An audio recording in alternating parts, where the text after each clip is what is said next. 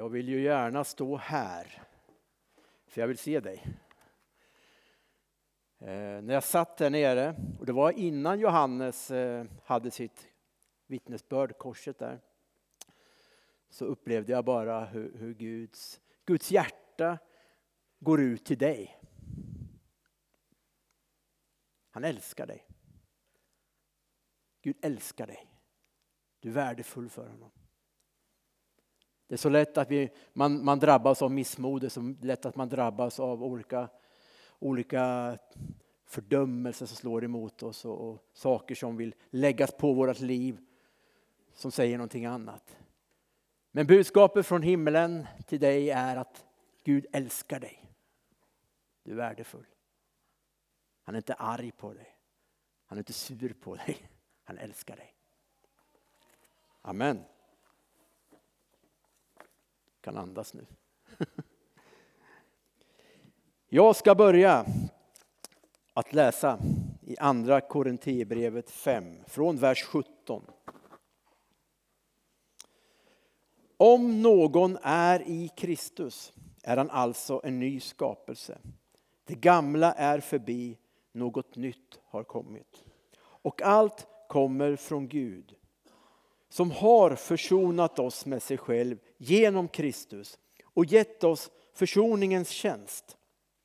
Gud var i Kristus och försonade världen med sig själv. Han tillräknade inte människorna deras överträdelser och han har anförtrott oss försoningens ord.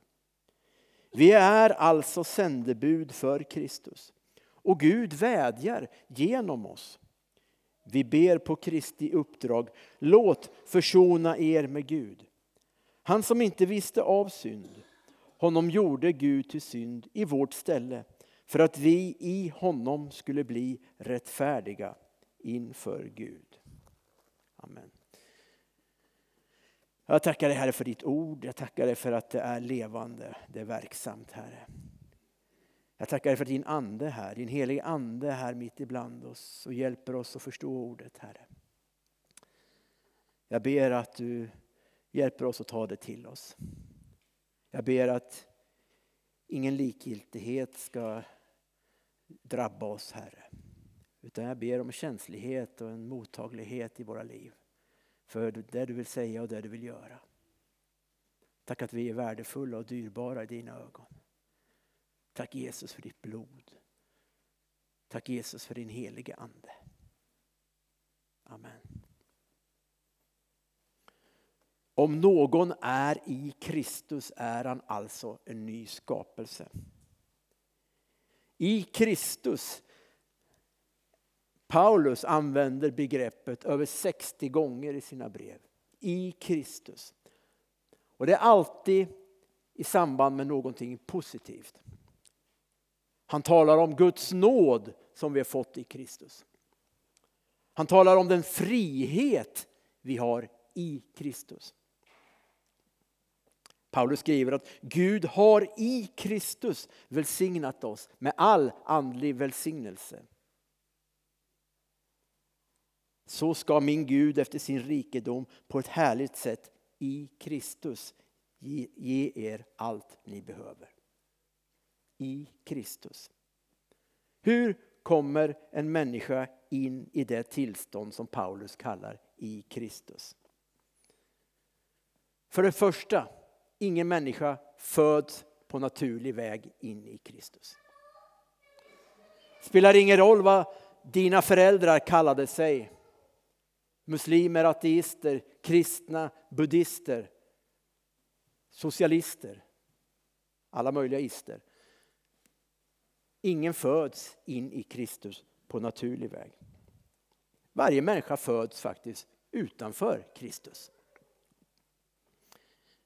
Det är till och med så pass att Paul, eller David skriver så här i sin psalm, 51 salmen.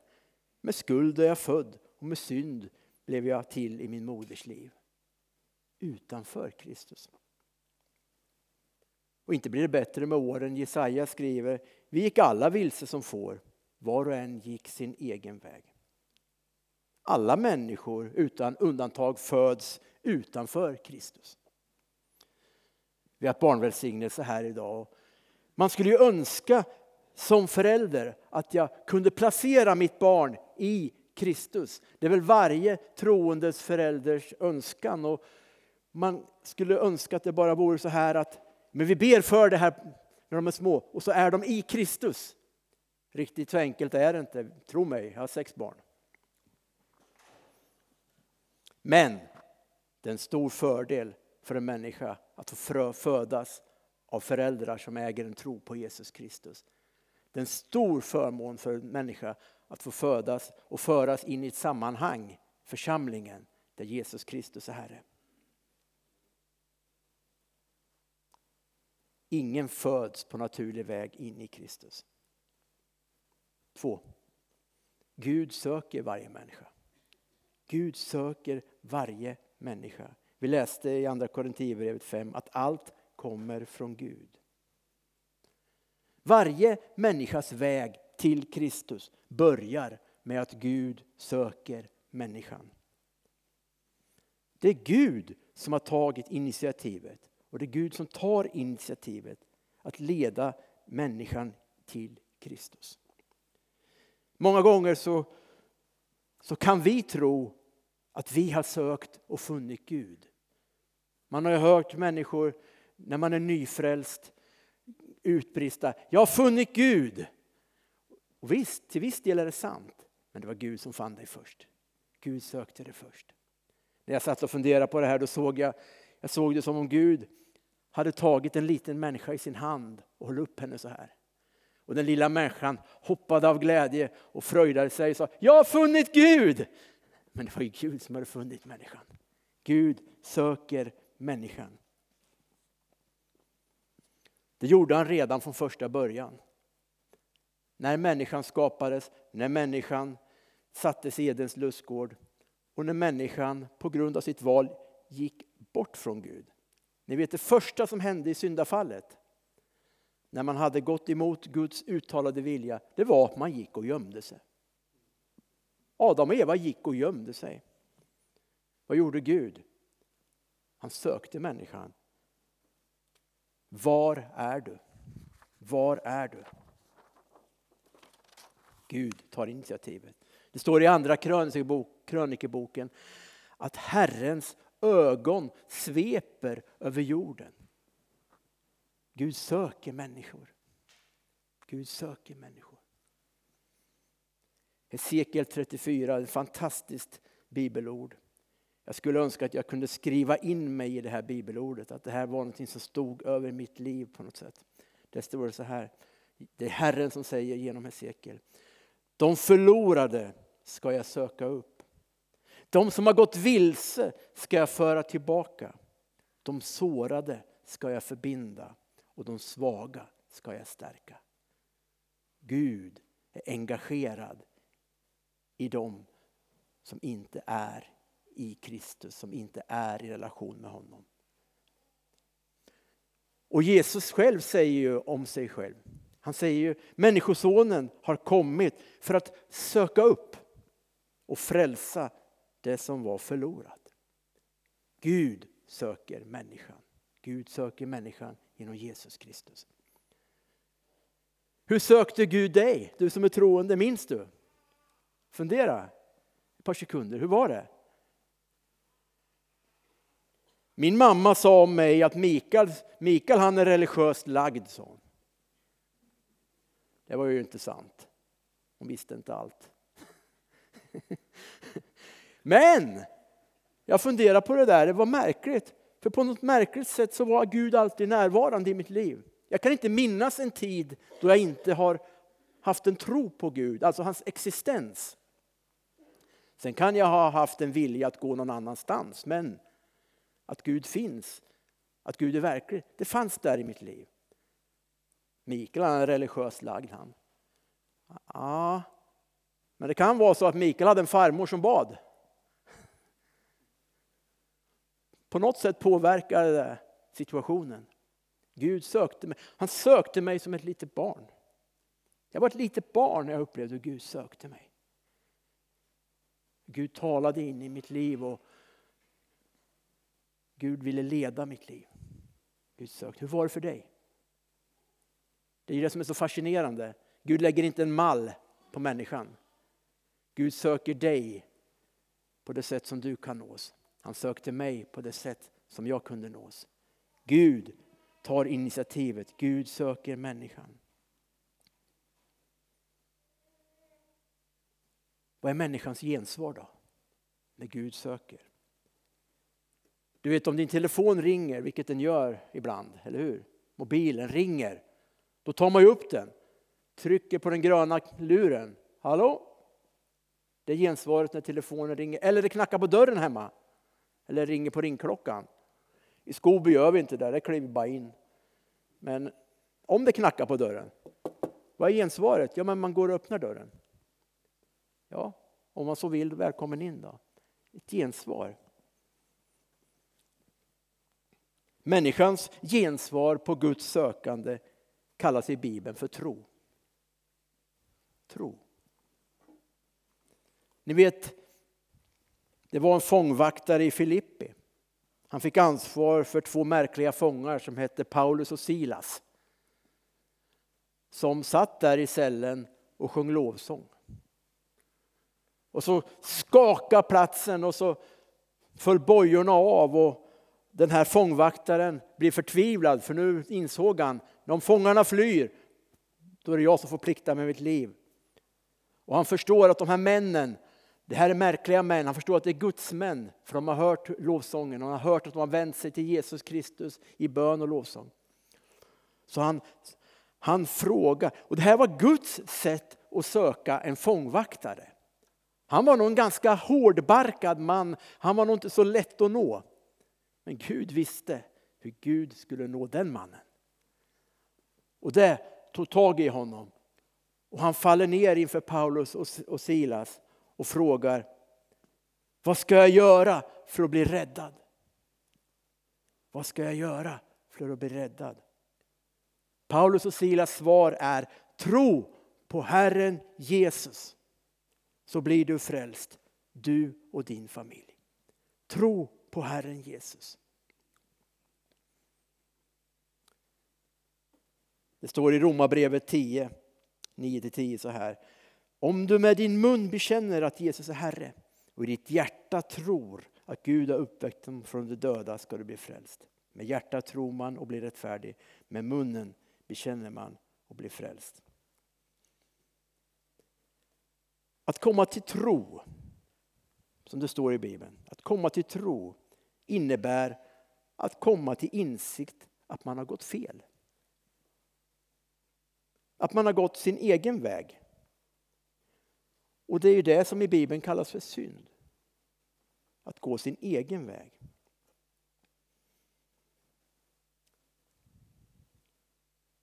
Det var det Adam och Eva gjorde. De gick sin egen väg. Gud hade tydligt sagt vad som gällde. Alla träd fick de äta av. Allt fick de röra vid, allt fick de äta av. Ett träd fick de inte äta av. Men de valde att gå sin egen väg.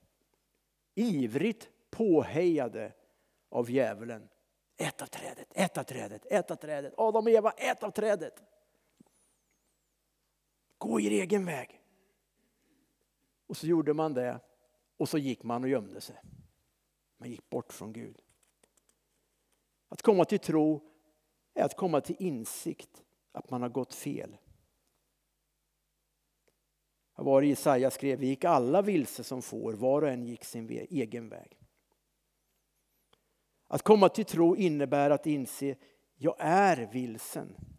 Det finns ett plats, ett tillstånd som är hemma för mig. Det finns en plats som är hemma för mig. Ett liv i en relation med Gud. Men mina vägar har inte tagit mig dit. Att komma till den insikten. Men du, Jesus, du kan rädda mig från min vilsenhet. Du, Jesus, kan ta mig hem. Därför väljer jag att bekänna dig som Herre i mitt liv. Jag väljer att använda min vilja till att följa dig. Som Johannes sa, hur han nu kunde Kalla sig en lärjunge. Det är det det handlar om. Följa Jesus. Att komma till tro är till att komma, att komma till den insikten. Jag är inte hemma. Jag är borta från Gud. Det finns en plats som är hemma för mig. Och Det är bara Jesus som kan ta mig dit. Och jag väljer att följa honom. Jag väljer att låta honom vara Herre i mitt liv.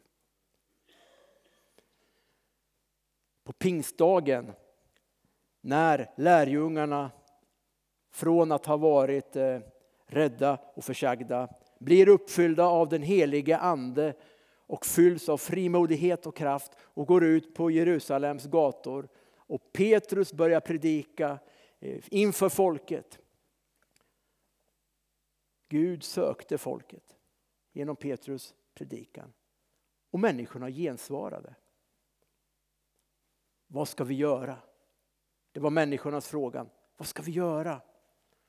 De, de fick som ett högt till i bröstet på dem. De blev berörda. Vad ska vi göra? Och Petrus svar var omvänd er. Alltså, vänd er till Jesus. Omvänd er. Vänd er till Jesus. Och låt er alla döpas i Jesu Kristi namn så att era synder blir förlåtna. Då får ni den helige ande som gåva. Omvändelse, komma till tro och omvändelse innebär att vända sig till Jesus. Dopet, det är min bekännelse till Jesus Kristus. Genom dopet bekänner jag mig till Jesus Kristus. Men det är också ett avståndstagande från den del i mig som vill gå sin egen väg. Egenviljan som inte vill låta sig ledas. Paulus skriver så här i Kolosserbrevet 2. I honom blev ni också omskurna, i Kristus alltså. Inte med människohand utan med Kristi omskärelse när ni avkläddes er syndiga natur och begravdes med honom i dopet. I dopet blev ni också uppväckta med honom genom tron på Guds kraft som uppväcker honom från de döda. Ni var döda. Det här är Bibelns sätt att beskriva hur vi är när vi inte är i relation. Det är Guds sätt att beskriva det. Ni är döda. För relationen med honom är död. Vi är inte i relation med Gud. Då är vi på ett sätt döda. Ni var döda genom era överträdelser och er oomskurna natur. Men också er har han gjort levande med Kristus. Han har, låtit oss, han har förlåtit oss alla överträdelser och utplånat skuldebrevet som vittnar mot oss med sina krav. Det tog han bort genom att spika fast det på korset. Han avväpnade härskarna och makterna och gjorde dem till allmänt åtlöje när han triumferade över dem på korset. Dopet är en bekännelsehandling. Vi har ju en dopkrav här. När man går ner här, den här änden så går man ner på den här dopgraven. Då säger jag med, genom att göra det att jag låter mig avklädas den gamla människan. Det är någonting som dör. Det är i mig som vill gå sin egen väg. Det är i mig som inte vill följa Jesus. Det dör. Min syndiga natur, som, som Bibeln beskriver det, begravs i dopet. Men det är också en bekännelse, inte bara till död, utan också jag bekänner mig till att uppstå, att iklädas Jesus Kristus. Galaterbrevet 3, 27-28 står det så här. Alla ni som blivit döpta till Kristus har iklätt er Kristus. Här är inte jud eller grek, slav eller fri, man eller kvinna. Alla är ett i Kristus. Jag avkläds min syndiga natur. Jag avkläds det som inte vill lyda, följa, underordna sig Gud. Det avkläds, det döds, det dör och det begravs här. Sen står jag upp tillsammans med Kristus och ikläds honom. I dopet så blir Jesu död din död. Och sen uppstår du med Jesus till hans liv. Till hans liv. För Johannes skriver i sitt första brev så här. Gud har gett oss evigt liv och det livet är i hans son. I hans son. I Kristus.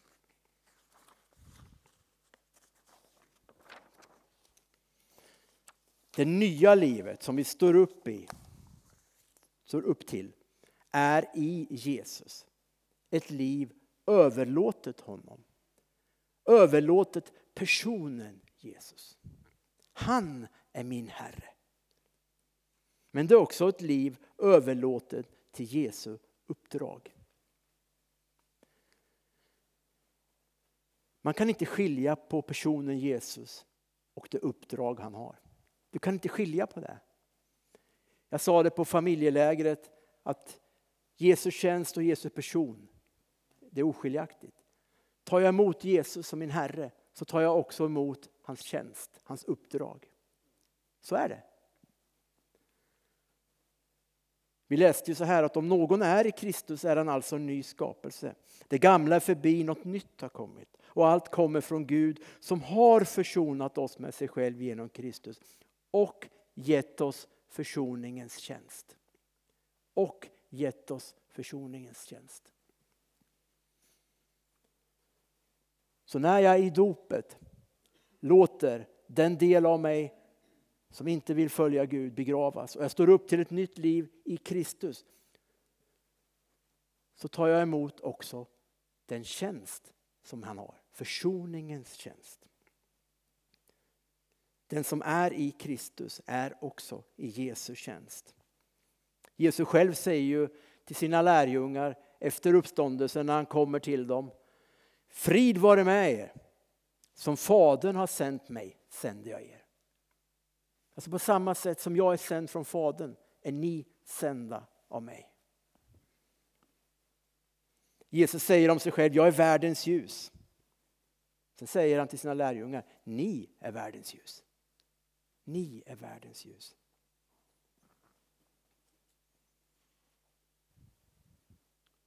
Lina Sandell har skrivit en, en fantastisk sång som vi, vi sjöng här i påsk. Jesus för världen givit sitt liv. Öppnade ögon, Herre med giv. Mig att förlossa offrar han sig då han på korset dör och för mig. Jesus för världen givit sitt liv. På ett sätt så får vi göra detsamma i dopet. Vi lägger ner våra liv till förmån för Jesu liv. Jesu liv det är ett liv för dem som har, som har gått vilse. Det är ett liv för dem som inte ännu har hittat hem. Jesus dog för alla människor. Jesus la ner sitt liv för alla människor. Vi får också göra det. Vi får överlåta oss till Jesus livet. Vi avstår från egenlivet för att stå upp för Jesuslivet som är ett liv för de förlorade. Som är ett liv för de vilsna, de sargade. Jag läste från Hesekiel. Någonstans. Där. De förlorade ska söka upp, de som gått vilse ska föra tillbaka. De sårade ska förbinda och de svaga ska stärka. Det livet står vi upp för. Vi ger vårt liv för det livet.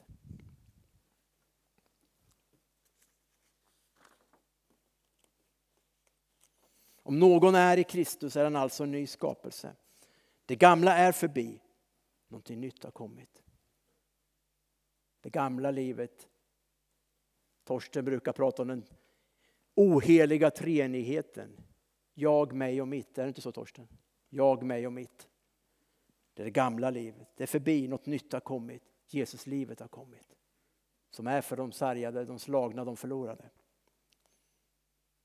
Allt kommer från Gud som har försonat oss med sig själv genom Kristus och gett oss försoningens tjänst. Gud var i Kristus och försonade världen med sig själv. Han tillräknade inte människorna deras överträdelse. Och han har anförtrott oss försoningens ord. Han har gett oss försoningens tjänst och han har anförtrott oss försoningens ord. Vi är alltså sändebud för Kristus. Gud vädjar genom oss. Vi ber på Kristi uppdrag. Låt försona er med Gud. Han som inte visste av synd, honom gjorde Gud till synd i vårt ställe. För att vi i honom skulle bli rättfärdiga. Det är det livet vi får leva. Och det är det livet vi lever i Kristus. Där vi är sändebud för Kristus. Och vårt budskap till de som ännu inte har hittat hem, till de som är vilsna, till de som är slagna, till de som är sargade, till alla som är utanför Kristus är. Vi vädjar, vi ber på Kristi uppdrag. Låt försona er med Gud. Det är kyrkans budskap. Det är det som Gud har lagt i våra händer att förvalta.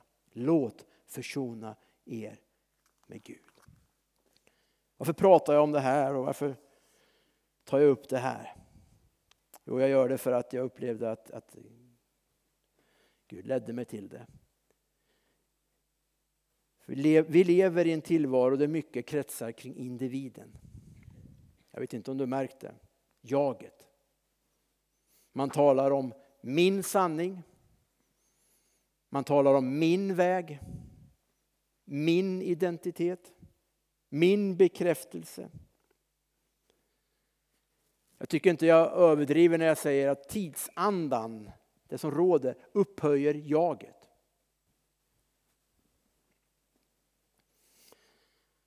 Denna tids budskap går på kollisionskurs med Guds budskap. Och det påverkar oss. Jag skulle önska att det inte gjorde det, men det gör det. Allt vi hör, alla signaler, alla intryck, de stannar liksom inte utanför. Inte mig i alla fall. Utan på något märkligt sätt så äter det sig in på insidan. Och jag märker hur lätt det väcker jaget. Det som ska vara dött och begravet.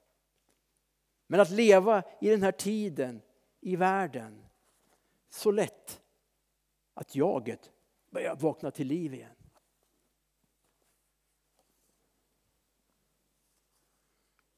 Det var någon som sa att eh, den gamla människan begravs i dopgraven. Men han kan simma det aset. Det kan vakna till liv.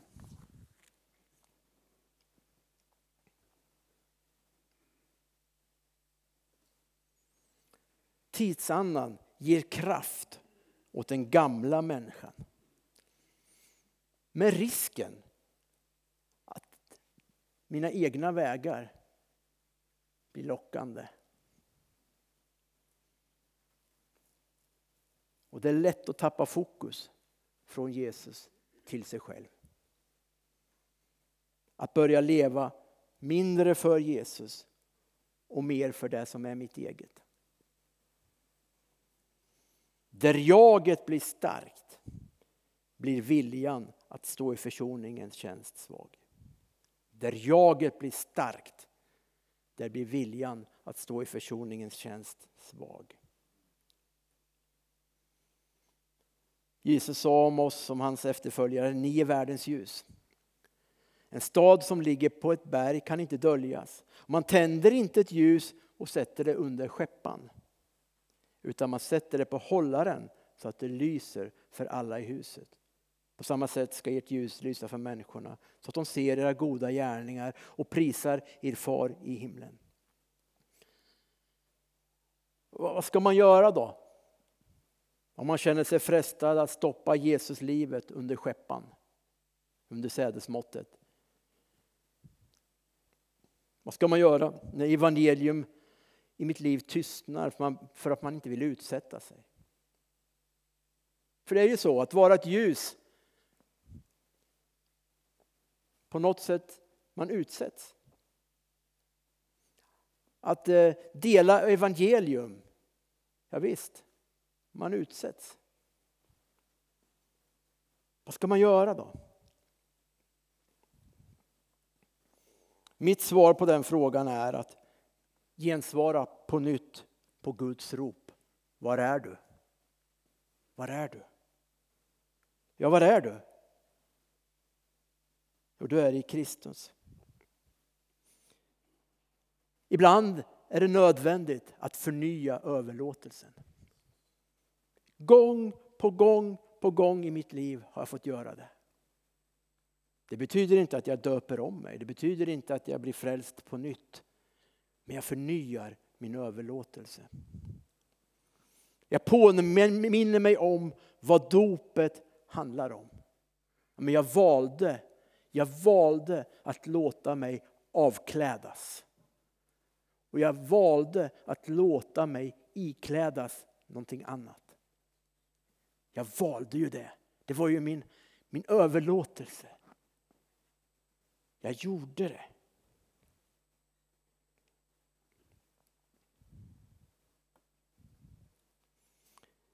Vi har en fiende. Han heter djävulen. Hans skarpaste vapen och hans största tillgång, det vassaste han har, är lögnen. Han ljuger. Han ljuger så pass att Jesus kallar honom för lögnens fader.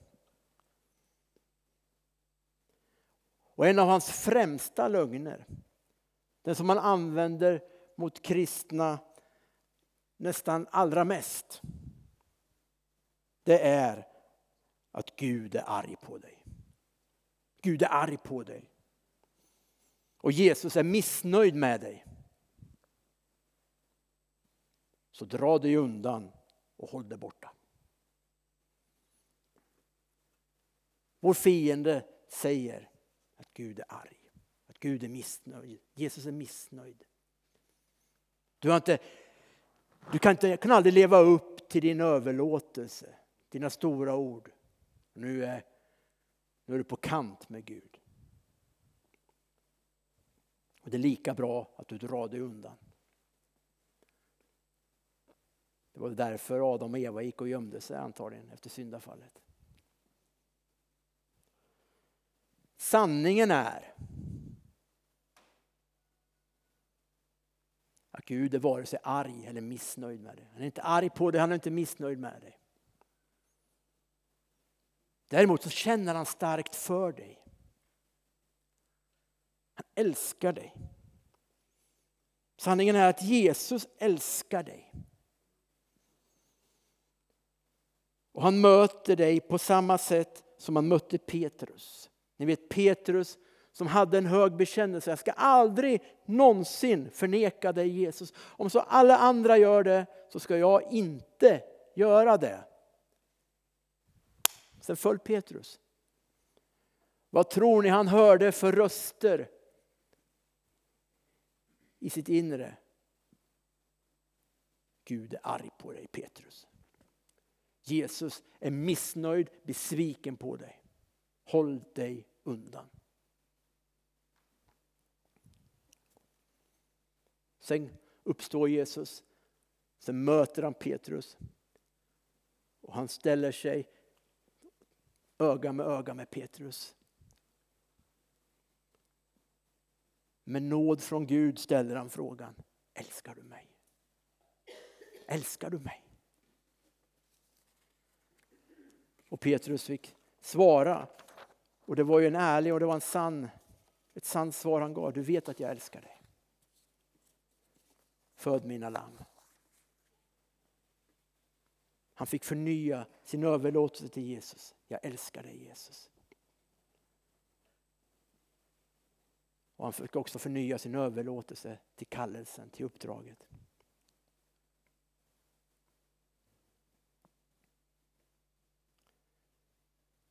Hos Jesus möter du och jag nåd till förnyad överlåtelse. Vi får hjälp med att få rätt fokus igen. Det är Jesus som är vårt fokus. Det är i honom vi är.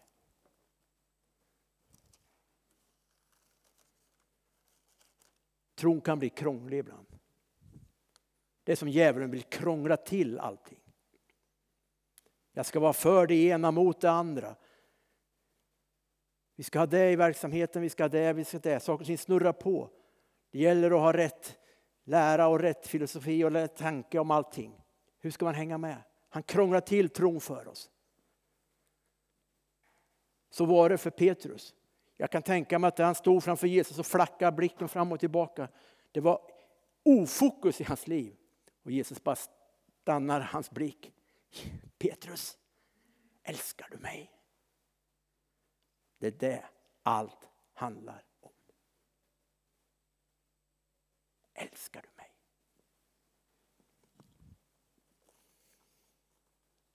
Om jag talar både människors och änglars språk men inte har kärlek är jag bara ekande brons eller en skrällande symbol. Om jag har profetisk gåva och vet alla hemligheter och all kunskap och om jag har tro så jag kan flytta berg men inte har kärlek så är jag ingenting.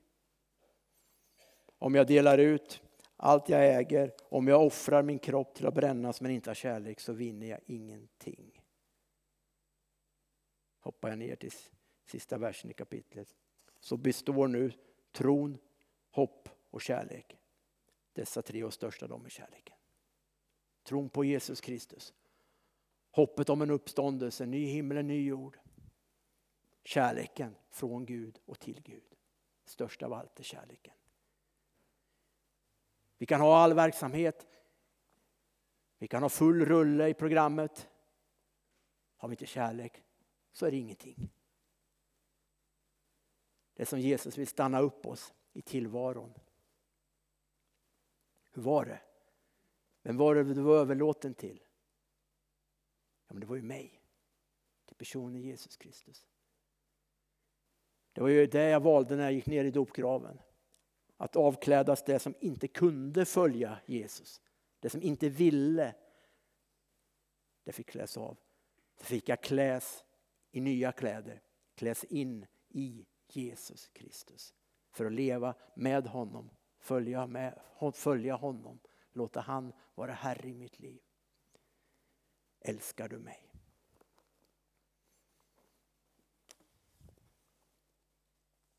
Andra Korinthierbrevet 6, 1-2. Det är fortsättningen på inledningsordet. Som Guds medarbetare uppmanar vi er också att ta emot Guds nåd så att den blir till nytta. Han säger ju, jag bönhör dig i nådens tid. Jag hjälper dig på frälsningens dag.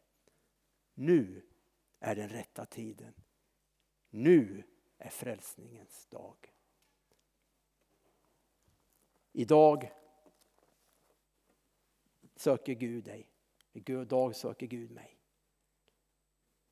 Jag har märkt när jag tappar fokus, när jag börjar drifta bort. Det betyder inte att jag blir avfälld, det betyder inte att jag går och syndar. Men jag har tappat fokus.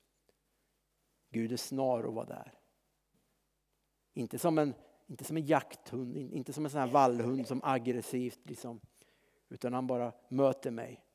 Mikael, jag vill föra dig tillbaka. Jag vill föra dig tillbaka. In i Kristus. Rätt fokus. Jesus Kristus. Jesus Kristus. Vi är i en situation i församlingen då kanske mycket har skakat för en del och en turbulent tid på ett sätt. Det är lätt i de där tiderna att tappa fokus. Men det är som om Jesus står mitt ibland oss och tittar oss rakt i ögonen och ställer frågan, älskar du mig? Älskar du mig? Det är det allt handlar om. Det är det allt handlar om.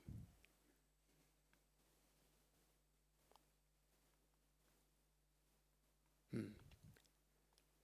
Jag tackar dig Herre. Jag tackar att du är så full av barmhärtighet, så full av nåd Herre.